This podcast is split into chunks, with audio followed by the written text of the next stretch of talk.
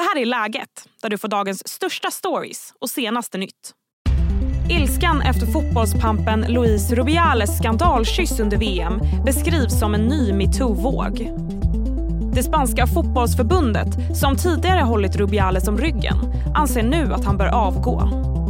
Det pratar vi om i dagens avsnitt där vi också ska få veta varför flera stora skådisnamn inte kommer dyka upp på Venedigs filmfestival. Som vanligt får du även de allra senaste nyheterna. Jag heter Sally Sjöberg.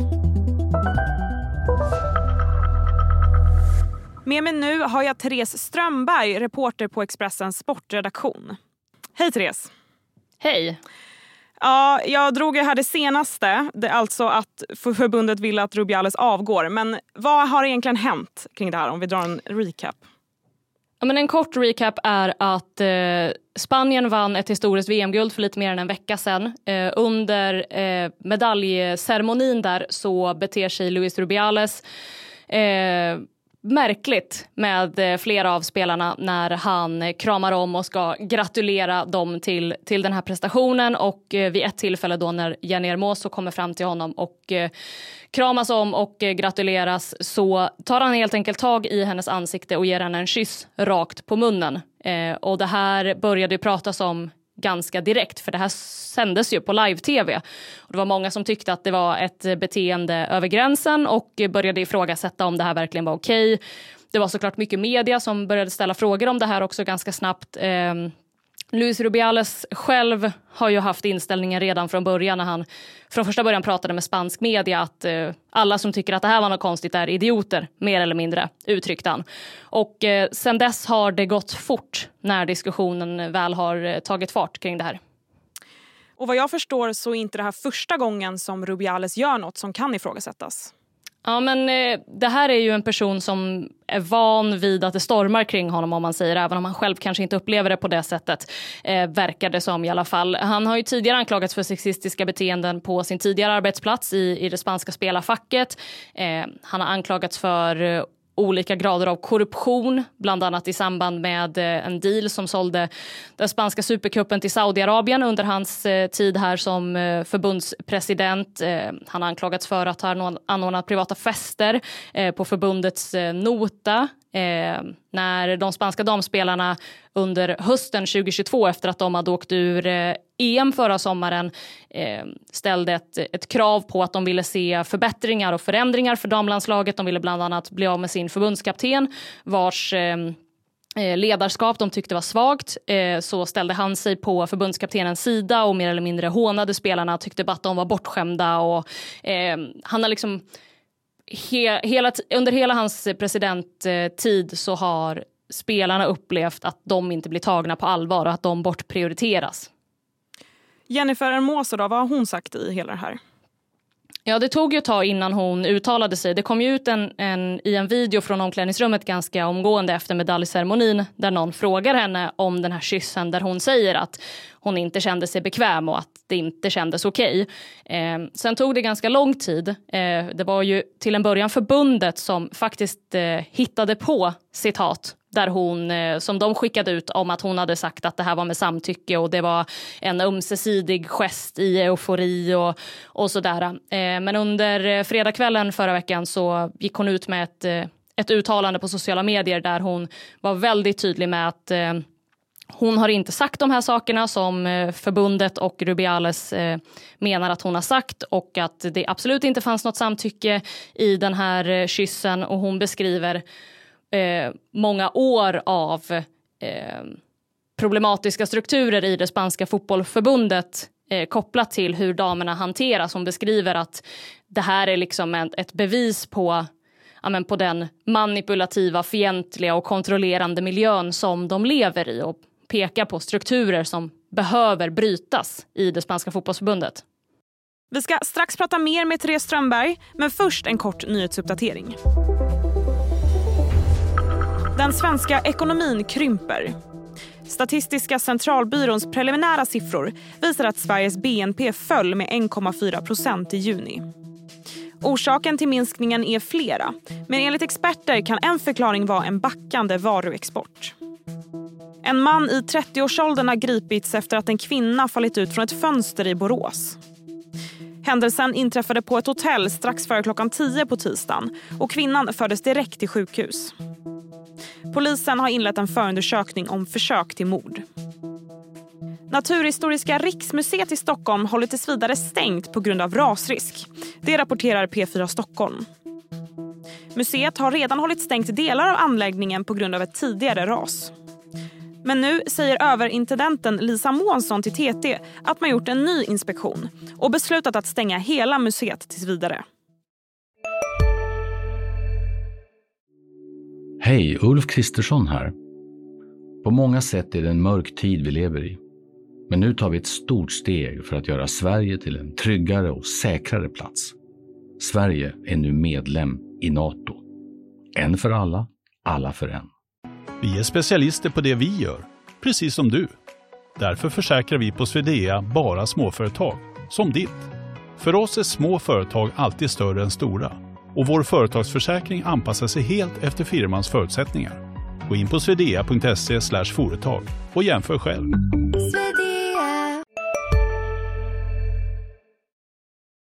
Och nu tillbaka till Therese Strömberg.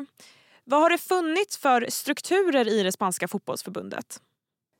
Det här spanska fotbollförbundet har haft problem under en längre tid och det man ser nu är ju på något sätt den maktfullkomlighet som Rubiales... Det säger någonting om hans maktfullkomlighet det här. Att han kan göra en sån här sak och till en början se ut att ha hela förbundet med sig. Eh, att när han står på en presskonferens eh, under helgen och berättar att han minsann inte tänker avgå, att det här inte ska få knäcka honom och målar ut sig själv som ett offer i den här situationen så får han applåder. Eh, det, är ju, det har ju varit under lång tid som sagt eh, och det är det allt fler som, som vittnar om nu under den här senaste veckan att eh, det finns strukturer i det spanska fotbollförbundet som absolut måste brytas och det är ju såklart också strukturer som finns i förlängningen i fler eh, delar av fotbollsvärlden såväl som i ja, fler delar av samhället i stort. Vad kan tänkas hända nu då framåt? Det som händer nu framförallt i Spanien ska man säga, det här har ju fått den enorma liksom, ringar på vattnet i det spanska samhället också där man där det dels på sociala medier finns en hashtag som översätts till det över. Eh, trendar, folk eh, har gått ut på gatorna i Madrid bland annat och, och demonstrerat och visat sitt stöd för Jenny Hermoso. Det här beskrivs ju som en ny slags metoo-våg i Spanien. Och, och vad gäller just Luis Rubiales och det spanska fotbollförbundet så är ju regeringen och, och högt uppsatta politiker har ju varit inkopplade på det här och uttalat sig. Eh, han utreds ju faktiskt för sexuellt övergrepp i samband med den här händelsen. Han utreds av eh, Fifa och är avstängd i 90 dagar från eh, fotbollsverksamhet. Eh, och det är ju alltså fotbollsförbundets regionala ordföranden som hade ett eh, ett extrainsatt möte igår och som nu har bett honom då att avgå. Eh, och, och det här är ju, jag har svårt att se att Lucy Rubiales kommer att kunna sitta kvar. Det tar nog inte så lång tid nu innan, innan det faktiskt händer någonting på riktigt här. Vi får se vad som händer. Tack så mycket Therese. Tack. Snart ska vi få höra varför Venedigs filmfestival blir mindre glamorös i år. Men först blir det fler nyheter.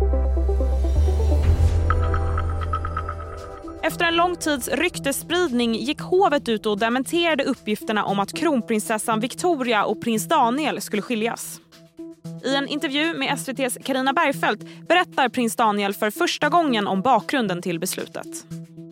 Det var en, eh, vad ska man säga, en elak, falsk ryktesspridning som som vi upplevde fick stora konsekvenser. Mm. Liksom många vänner från olika delar av Sverige och även utomlands hörde av sig. Och, ja, det, det nådde någon slags nivå så vi kände att det här kan vi inte acceptera.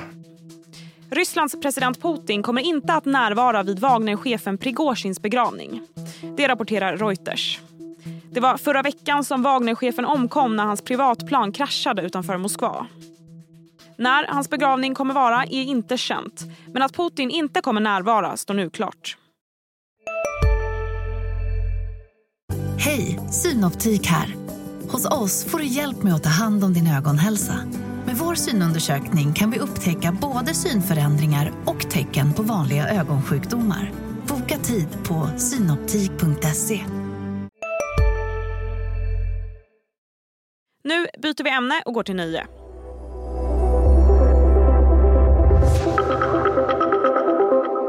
Världens äldsta filmfestival, nämligen filmfestivalen i Venedig, drar snart igång. Men årets upplaga väntas glittra betydligt mindre än vanligt. Det här på grund av den stora skådisstrejk som just nu rasar i Hollywood. Med mig nu har jag Expressens filmrecensent och krönikör Maria Brander. Hej Maria! Hej! Ja, skådisarna stoppas alltså från att dyka upp i Venedig. Varför det? Ja, det har att göra med den här, eh, det som började som en manusstrejk i Hollywood i maj och så sen utvidgades och blev en skådespelarstrejk i juli och de strejkregler som råder eh, stoppar helt enkelt skådespelarna från att eh, ja, jobba med produktionen men också att då göra PR för sina filmer och det inkluderar sånt här som röda mattan-närvaro på filmfestivaler i Venedig. Och hur påverkar det här festivalen då? Jag, jag läste lite kort om att eh, öppningsfilmen har behövt ändras till exempel.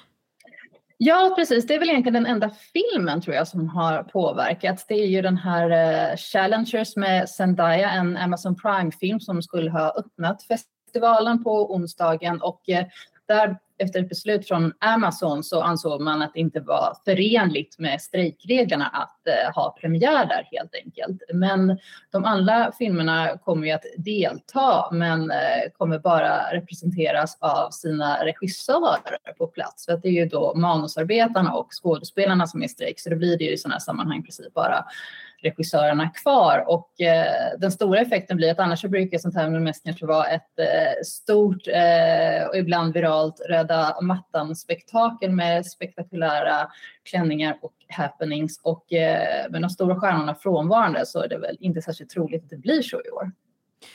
Men vilka namn finns på inbjudningslistan då? Ja, men om vi säger, vi kan ju börja med de som skulle ha kommit men inte kommer då på grund av strejken. Det är ju namn som Emma Stone, Carey Mulligan, Michael Fassbender, skådespelare som är med i de tävlande filmerna helt enkelt.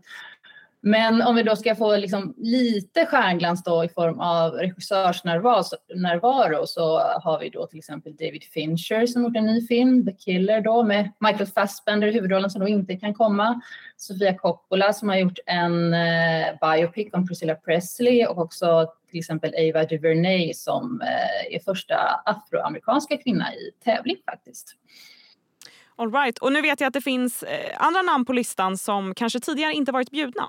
Ja, precis. Och de kanske kan få lite extra strålkastarljus på sig just i år nu när de stora stjärnorna liksom inte är med i leken längre. Det handlar om eh, de här, vad ska vi kalla dem, kulturmännen. Vi har eh, Roman Polanski som deltar med sin film The Palace. Vi har Woody Allen som är inbjuden med Coup de Chance och som till och med förväntas komma på festivalen, vilket i så fall blir hans första festivalnärvaro sedan 2016 tror jag.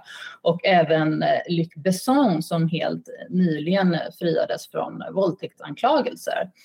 Och eh, det är väl lite det de här eh, männen har gemensamt kan man säga. Då. Woody Allen eh, har ju då eh, mött eh, anklagelser från sin adoptivdotter eh, sedan 2014 tror jag de blev offentliga och många tog avstånd från honom, i Hollywood i och med metoo och eh, Roman Polanski har ju då erkänt sexuella övergrepp mot en 13-åring 1977 och eh, lever sedan dess i exil. Men på de här festivalerna har de ju då uppenbarligen en fristad även i år. Den här Hollywoodstrejken då, lite kort, vad, vad händer i den? Vart står de nu? Ja, just nu känner inte jag att det verkar hända så jättemycket. Det som främst händer nu är väl att strejken verkar hålla i sig och eh, Många filmer eh, skjuts upp egentligen på obestämd tid, men eh, nu verkar de landa någonstans i våren. Eh, bland annat The Dune, den här stora science fiction-filmen med svenska Rebecca Ferguson, den skulle gått upp i höst. Den är nu framskjuten till nästa år och jag såg också att den här filmen de Emma Stone som skulle ha varit med här i Venedig också har blivit uppskjuten. Så att det verkar ju vara lite av ett limbo just nu. Och vad håller du utkik efter nu då på eh, filmfestivalen i Venedig? Finns det något speciellt du kommer kolla efter? Ja, men dels så hoppas man väl lita på då nu när de eh, stora namnen inte riktigt kan med på riktigt att det ska komma någon ny sensation och ta nästa storm. Det sägs också att de då kanske har lite större chans att få visa upp sig. Och eh, sen har man väl inte samma svensk närvaro här som vi haft i Cannes eh, på senare år. Men det är i alla fall en svensk film som är med i sidotävlan och den heter eh, Paradiset brinner av en debutanten Mika Gustafsson med Ida Engvall en av huvudrollerna och den får vi väl hålla tummarna för också tycker jag. Tack så mycket Maria. Tack. Det var allt för idag. Podden kommer ut varje vardag så se till att du följer läget i din podcastapp. Jag är tillbaka imorgon igen. Tills dess så kan du följa vad som händer i Expressens nyhetsapp. Tack för att ni har lyssnat.